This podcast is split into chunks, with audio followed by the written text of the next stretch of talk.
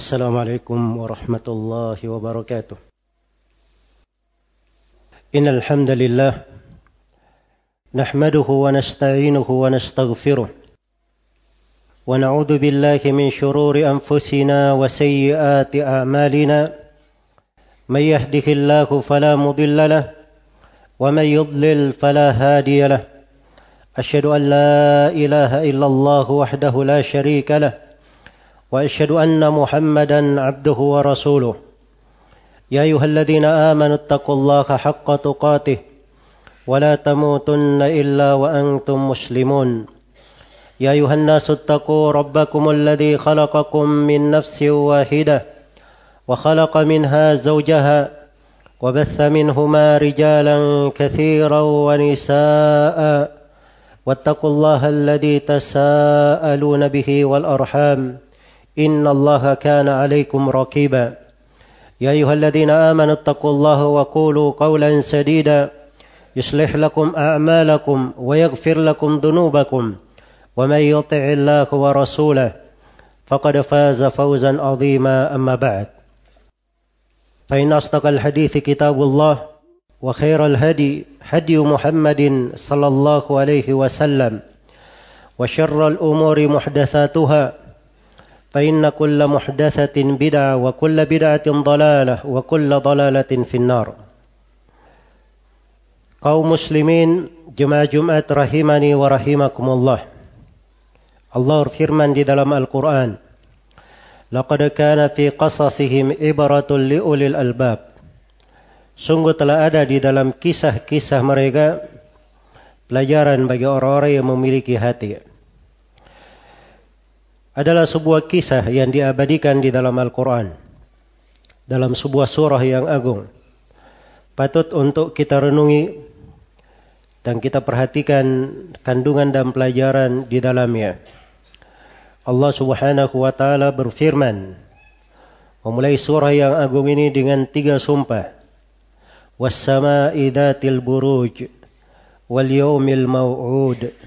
Wasyahidi wa mashhud demi langit yang memiliki gugusan-gugusan bintang. Dan demi hari yang dijanjikan yaitu hari kiamat. Dan demi saksi dan yang dipersaksikan Allah bersumpah untuk perkara yang akan disebutkan. Qutila ashabul ukhdud. Telah dilaknat orang-orang yang membuat parit-parit. Annari datil waqud api yang memiliki kobaran yang menyala-nyala. Idhum alaiha qu'ud tatkala mereka duduk di atas parit-parit tersebut berada di sekitarnya. Kata sebagian ahli tafsir mereka memasang kursi di sekitarnya Wahum ala ma yaf'aluna bil mu'minina syuhud. Dan orang-orang yang membuat parit itu mereka menyaksikan siksaan yang ditimpakan terhadap kaum mukminin. Wahum ala ma yaf'aluna bil mu'minina syuhud. وما نقوا منهم إلا أن يؤمنوا بالله العزيز الحميد dan tidak ada yang mereka celah dari orang-orang yang beriman kecuali karena orang-orang yang beriman itu mereka beriman kepada Allah Subhanahu wa taala yang Maha Aziz lagi Maha Hamid. Ayat-ayat yang agung ini adalah pemberitaan tentang kisah Ashabul Ukhdud. Orang-orang yang beriman kepada Allah Subhanahu wa taala kemudian mereka disiksa oleh seorang raja bersama bala tentara dan pengikutnya dengan sebuah parit yang dikobarkan padanya api yang menyala-nyala. Siapa yang tidak kembali dari keimanannya, murtad dari agamanya, maka akan dilemparkan, dipanggang ke dalam api. Dan siapa yang murtad, maka dia akan diselamatkan.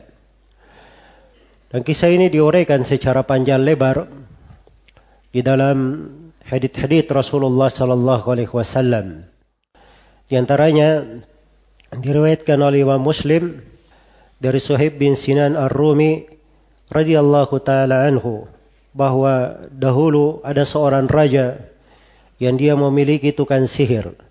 Ketika tukang sihir ini sudah mencapai usia renta, ia pun meminta kepada raja agar mengirim seorang anak muda yang mempelajari sihir darinya agar menjadi penerus tukang sihir tersebut. Maka dipilihlah seorang anak muda yang mendatangi tukang sihir untuk belajar sihir tersebut. Dan ini menunjukkan bahwa sihir itu adalah musibah dan petaka sudah ada di umat-umat kafir sebelumnya. Dan sihir ini dari fitnah di tengah manusia kadang bisa dipelajari, diajarkan dan diwarisi sehingga kejelekan menjadi tersiar dan tersebar di tengah manusia. Maka anak muda ini ketika dia berangkat menuju kepada tukang sihir, di tengah jalan dia berjumpa dengan seorang rahib. Seorang rahib yang masih berada di atas agama yang lurus dan dia mengerti jalan Nabi. Maka dia pun mendengar dari ucapan rahib tersebut. Kemudian setelah itu barulah dia datang ke tempat tukang sihir. Dan apabila anak muda ini melewati si rahib, maka dia terlambat mendatangi tukang sihir. Tukang sihir pun memukulnya karena hal itu. Maka si rahib suatu hari berkata kepada anak muda ini, kalau engkau terlambat datang ke tukang sihir, maka katakan kepadanya saya ditahan oleh keluargaku. Dan apabila engkau terlambat ke tempat keluargamu, maka katakan bahwa saya ditahan oleh tukang sihir. Iya. Ini dari hal-hal yang dibolehkan di masa dahulu, di mana seseorang memberikan informasi dari hal-hal untuk menjaga agama agar supaya ia tidak jatuh di dalam masalah yang lebih besar daripada itu. Maka terus berlalu seperti itu hingga di suatu hari tanpa hewan yang sangat besar telah menghambat jalan manusia. Maka anak muda ini pun mengambil sebuah batu. Dia berkata, hari ini saya akan melihat mana ajaran yang lebih benar. Maka dia mengambil batu itu lalu dia berkata, Ya Allah, kalau memang ajaran si rahib ini lebih engkau cintai daripada ajaran tukang sihir, maka bunuhlah hewan itu dengan batu ini. Ia pun melempar hewan besar tersebut hanya dengan sebuah batu dan mati hewan tersebut. Iya. Ini dasarnya anak muda apabila dia telah beriman kepada Allah Subhanahu wa taala dan dia masih mendatangi tukang sihir, maka itu ada sudut-sudut keimanan dimaklumi apabila telah bercokol ke dalam hati, yakin terhadap dirinya, kadang dia dihadapkan ke dalam bahaya-bahaya yang besar yang di masa itu mungkin dia belum mampu untuk menampilkannya. Tetapi kadang permohonan yang seperti ini bukan bentuk keraguan di dalam hati, tapi seperti apa yang diminta oleh Nabi Ibrahim alaihi salam untuk semakin menambah keimanannya. Iya. Maka datanglah anak muda ini kepada rahib dan dia ceritakan apa yang terjadi, maka si rahib berkata, "Wahai anakku, hari ini engkau telah melewati dari kedudukanku." Dan ini dari insaf dan dari kejujuran seorang alim, seorang guru Apabila pada muridnya ada sesuatu yang menonjol dan melebihi dirinya, maka dia mengakui hal tersebut. Dan tidak ada keanehan di dalam hal itu, karena ilmu adalah anugerah dan pemberian Allah Subhanahu wa taala. Allah berikan kepada siapa yang dia kehendaki. Maka si rahib berkata, engkau akan diuji dengan ujian. Ya, dan ini sudah berjalan di tengah umat-umat yang diturunkan kepada mereka kitab-kitab dari langit bahwa siapa yang berpegang dengan agama pasti akan tertimpa dengan ujian. Sama seperti yang dikatakan oleh Waraqah bin Naufal kepada Nabi Muhammad sallallahu alaihi wasallam. lam ya'ti ahadun bimithli ma ji'ta bihi illa udi. Tidak seorang pun yang datang seperti apa yang kau bawa Nabi Muhammad kecuali dia pasti akan disiksa, pasti akan diganggu. Maka kata si rahib kalau engkau pun kena ujian, maka jangan sekali-sekali engkau menunjuk saya. Berisyarat kepadaku. Maka Allah Subhanahu wa taala memberi anugerah kepada anak muda ini. Dia bisa mengobati orang yang buta, orang yang kena penyakit sopak, dan penyakit-penyakit yang lainnya. Suatu hari ada kawan duduk seorang raja yang sudah buta matanya. Ia pun mendatangi anak muda ini, minta diobati. Maka kata anak muda ini, saya tidak mampu mengobatimu. Yang mengobatimu hanyalah Allah. Rob saya dan Rob engkau. Apabila engkau beriman kepada Allah, maka saya akan bermohon kepada Allah Subhanahu wa taala untuk menyembuhkanmu. Maka kawan duduk raja ini pun beriman. Maka anak muda ini mendoakan dan Allah kembalikan pandangan matanya. Ia pun sembuh. Begitu kawan duduk raja ini berada di sisi raja. Raja pun berkata kepadanya, siapa yang mengembalikan matamu? Engkau bisa melihat lagi. Maka kawan duduk raja berkata, Allah, Robku dan Rob engkau. Maka si raja pun berkata, apakah engkau punya Rob selain daripada saya? Kamu punya Tuhan selain daripada saya? Maka terus kawan duduk raja ini disiksa sampai dia tunjukkan bahwa yang mengajarkannya, yang mengajarinya adalah si anak muda. Anak muda ini dipanggil kemudian terus dia disiksa sampai dia menunjukkan bahwa yang mengajari dia adalah si rahib. Maka dipanggillah si rahib ini, lalu dia pun disiksa, kemudian diletakkan gergaji di belahan kepalanya, kemudian membelah badannya menjadi dua. Setelah itu didatangkan kawan duduk si raja dan dia juga sama dengan si rahib diminta untuk kembali dari agamanya tapi dia tidak mau kemudian diletakkan gergaji dan juga dibelah menjadi dua kemudian didatangkanlah anak muda ini dan juga diminta kembali kepada agama raja namun dia tidak mau maka si raja berkata kepada pasukannya bawalah dia ke atas puncak sebuah gunung apabila dia tiba di puncak gunung itu minta dia kembali kepada agama raja. Kalau dia tidak kembali maka lemparkanlah dia hingga menjumpai kebinasaannya. Maka berjalanlah pasukan hingga tiba di atas gunung. Kemudian anak muda ini berdoa, Allahumma kfinihim bima syi'ta. Ya Allah cukupilah saya dari kejelekan mereka sesuai dengan kehendakmu. Maka bergetarlah gunung itu, jatuh seluruh pasukan raja. Kemudian datanglah anak muda ini kembali kepada raja. Maka raja pun berkata, di mana pasukan yang membawamu? Maka anak muda ini berkata, Allah telah mencukupi aku dari mereka.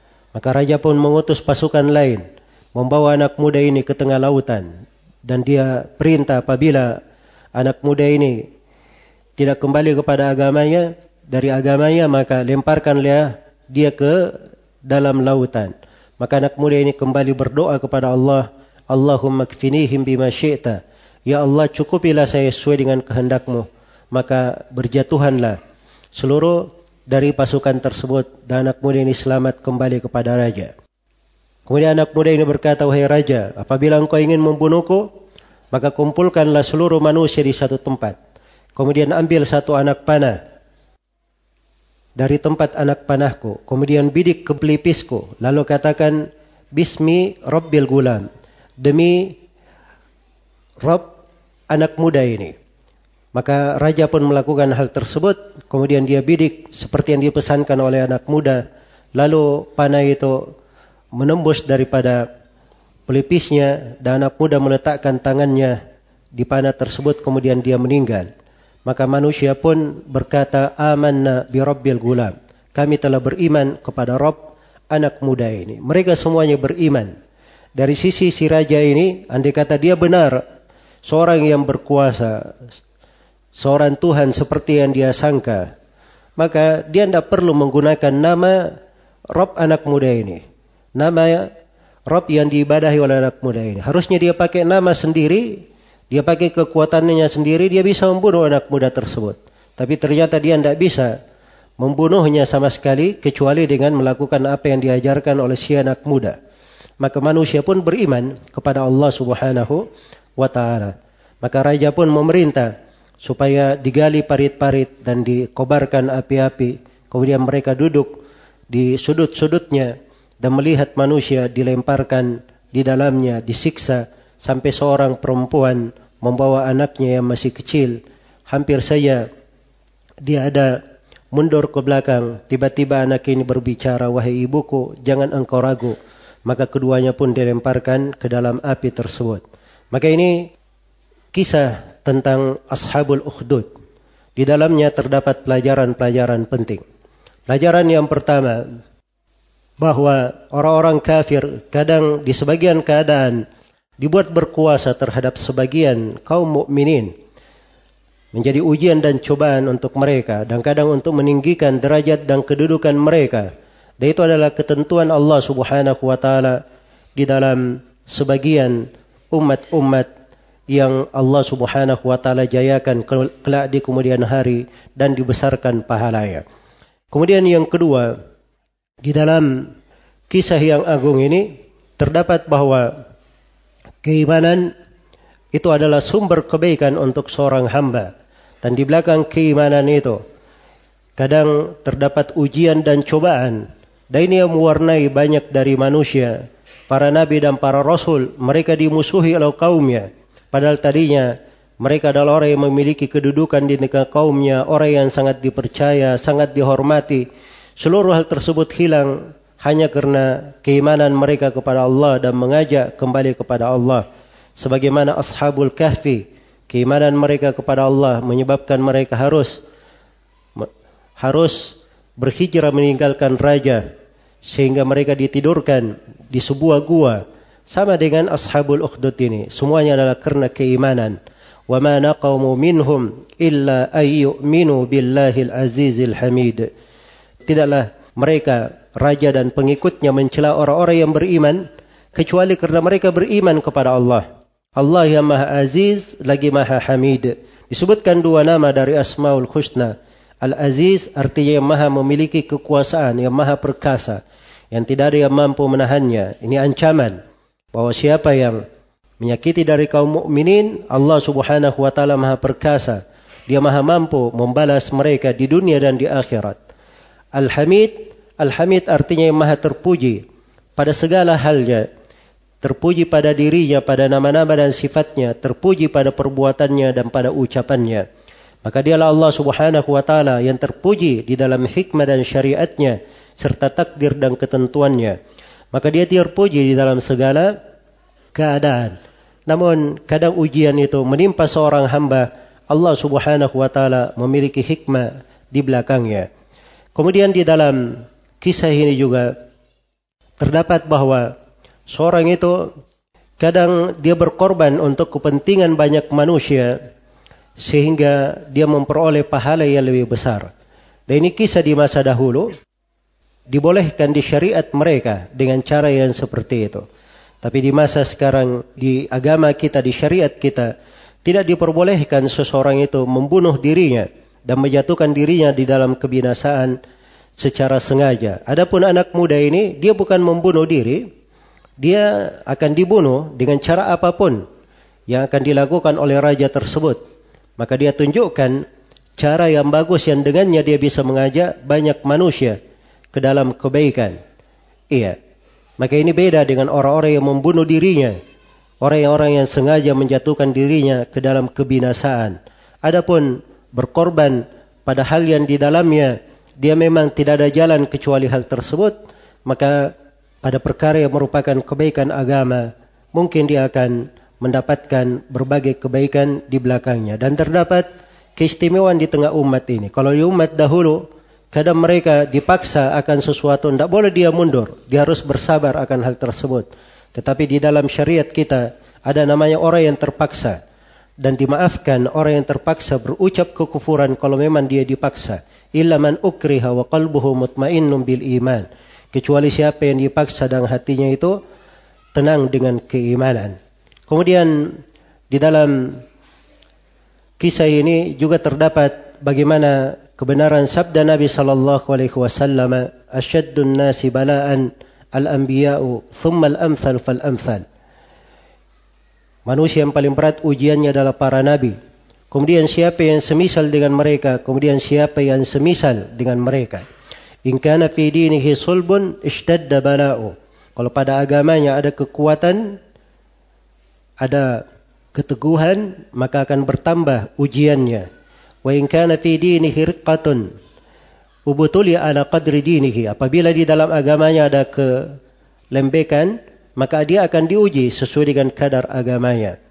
Wala yazalul bala'u alaihi hatta yatrukahu yamshi alal ard wa ma alaihi min khatiyah dan terus ujian itu menimpa seorang mukmin sampai Allah membuat dia berjalan di atas muka bumi dan tidak menyandang satu dosa pun. Maka ujian dan cobaan kadang untuk mengangkat dan meninggikan derajat seorang hamba. Ma naqamu minhum illa ayyuminu billahil azizil hamid. Kemudian Allah ingatkan, innal ladina fatanul mu'minina wal mu'minat. Sesungguhnya orang-orang yang memfitnah kaum mukminin dan mukminat. Fitnah di sini artinya menyiksa mereka. Fitnah banyak makna, tapi dari teks surah ini terkait dengan siksaan yang ditujukan kepada kaum mukminin dan mukminat. Thumma lam yatubu, kemudian mereka tidak bertobat. Jadi siksaan terhadap siapa yang tidak bertobat. Adapun siapa yang bertobat, maka Allah Subhanahu wa taala memberikan ampunan kepada siapa pun yang telah bertobat apa pun dosa yang dia lakukan. Falahum adabu jahannam walahum adabul hariq. Maka untuk mereka siksaan neraka jahannam dan siksaan api yang membakar. Disebutkan dua jenis siksaan. Kemudian Allah Subhanahu wa taala ingatkan innal ladina amanu wa amilus salihat lahum jannatun tajri min tahtiha al-anhar. Dalikal fawzul kabir. Sungguhnya orang-orang yang beriman dan beramal saleh untuk mereka sorga-sorga mengalir di bawahnya sungai-sungai. Dan itulah keberuntungan yang sangat besar. Selalu diperbandingkan antara dua golongan. Golongan penduduk neraka dan golongan penduduk sorga. Golongan orang-orang yang beriman dan beramal saleh dan golongan orang yang kebalikan dari mereka. Dan ini perbandingan-perbandingan di dalam Al-Quran untuk menegaskan kepada kita bahwa jalan itu hanya ada dua ada jalan yang mengantar kepada sorga dan ada jalan yang mengantar kepada neraka. Ada yang mengantar kepada kebahagiaan dan ada yang membawa kepada kerugian. Ada jalan yang memasukkan ke dalam golongan kanan dan ada yang mengantar kepada golongan kiri yang penuh dengan kesengsaraan. Barakallahu li wa lakum fil Qur'anil azim ونفعني وإياكم بما فيه من الآيات والذكر الحكيم. وتقبل الله مني ومنكم تلاوته. إنه هو السميع العليم. الحمد لله على إحساني والشكر له على توفيقه وامتناني. أشهد أن لا إله إلا الله وحده لا شريك له. تعظيما لشانه وأشهد أن محمدا عبده ورسوله. الداعي إلى رضوانه صلى الله عليه وعلى آله وأصحابه وإخوانه أما بعد kaum muslimin jemaah-jemaah rahimani wa rahimakumullah. Di kelanjutan surah disebutkan tentang kebesaran Allah dan siksaan Allah yang maha dahsyat. Dan seterusnya dari penyebutan beberapa sifat dan nama-nama Allah dan disinggung bagaimana sebagian umat yang telah dibinasakan. Maka ini semuanya pelajaran berharga untuk setiap muslim dan muslimah bahwa pada ujian dan cobaan itu ada dua golongan di dalamnya. Ada golongan yang meraih kebahagiaan justru mendapat pahala dan kebaikan di belakang ujian dan cobaan. Dari yang di belakang ujian dan cobaan itu adalah sebab kehancuran dan sebab kebinasaannya. Maka hendaknya setiap orang selalu bertakwa kepada Allah Subhanahu wa taala dan jangan dia di dalam berpegang terhadap agamanya apalagi di masa banyak terjadi fitnah, ujian dan cobaan di masa kadang manusia banyak menjelekkan dari apa yang dia lakukan perkara agama yang dia kerjakan hal-hal mulia yang dia sandang diperolok oleh manusia, dia tidak mundur akan hal tersebut. Karena kehidupan yang hakiki adalah kehidupan akhirat dan dunia ini adalah tempat ujian dan cobaan dan setiap orang akan menghadap kepada Allah Subhanahu wa taala. Hanya ada dua golongan di sana. Ada mereka yang lulus dari ujian dan cobaan, dan ada yang justru dia tertimpa musibah di dalam ujian dan cobaan tersebut. Semoga Allah Subhanahu wa taala selalu memberikan keselamatan dan afiat kepada kita semua dan menjaga kita semua dari segala kejelekan, menghindarkan kita semua dari segala dosa dan kemaksiatan, perkara yang bisa merusak dan bisa membinasakan kita. Innahu waliyu dzalika wal qadiru alaih. Thumma i'lamu rahimakumullah. إن الله أمركم بأمر بدأ به بنفسه وثن بملائكته المسبحة بقدسه فقال جل من قائل إن الله وملائكته يصلون على النبي يا أيها الذين آمنوا صلوا عليه وسلموا تسليما اللهم صل وسلم على رسولك ونبيك محمد. وارض اللهم عن خلفائه الراشدين أبي بكر وعمر وعثمان وعلي وعن الصحابة أجمعين. وأن معكم بفضلك وجودك وإحسانك يا أرحم الراحمين. اللهم أعز الإسلام والمسلمين وأذل الشرك والمشركين ودمر أعداءك أعداء الدين. ومن شايعهم من المنافقين والمرتدين. اللهم آمنا في أوطاننا وأصلح ولاة أمورنا. ووفقهم لما تحبه وترضى. وارزقهم بطانة صالحة. تعينهم على طاعتك يا أرحم الراحمين.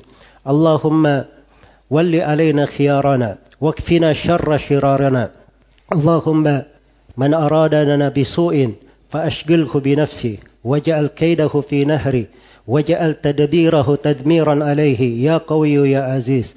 ربنا ظلمنا أنفسنا وإن لم تغفر لنا وترحمنا لنكونن من الخاسرين. ربنا اغفر لنا ولإخواننا الذين سبقونا بالإيمان ولا تجعل في قلوبنا غلا للذين آمنوا. ربنا إنك رؤوف رحيم. ربنا آتنا في الدنيا حسنة وفي الآخرة حسنة وقنا عذاب النار. عباد الله إن الله يأمر بالعدل والإحسان وإيتاء ذي القربى وينهى عن الفحشاء والمنكر والبغي يعظكم لعلكم تذكرون. فاذكروا الله العظيم الجليل يذكركم واشكروه على نعمه يزيدكم ولذكر الله أكبر. والله يعلم ما تصنعون.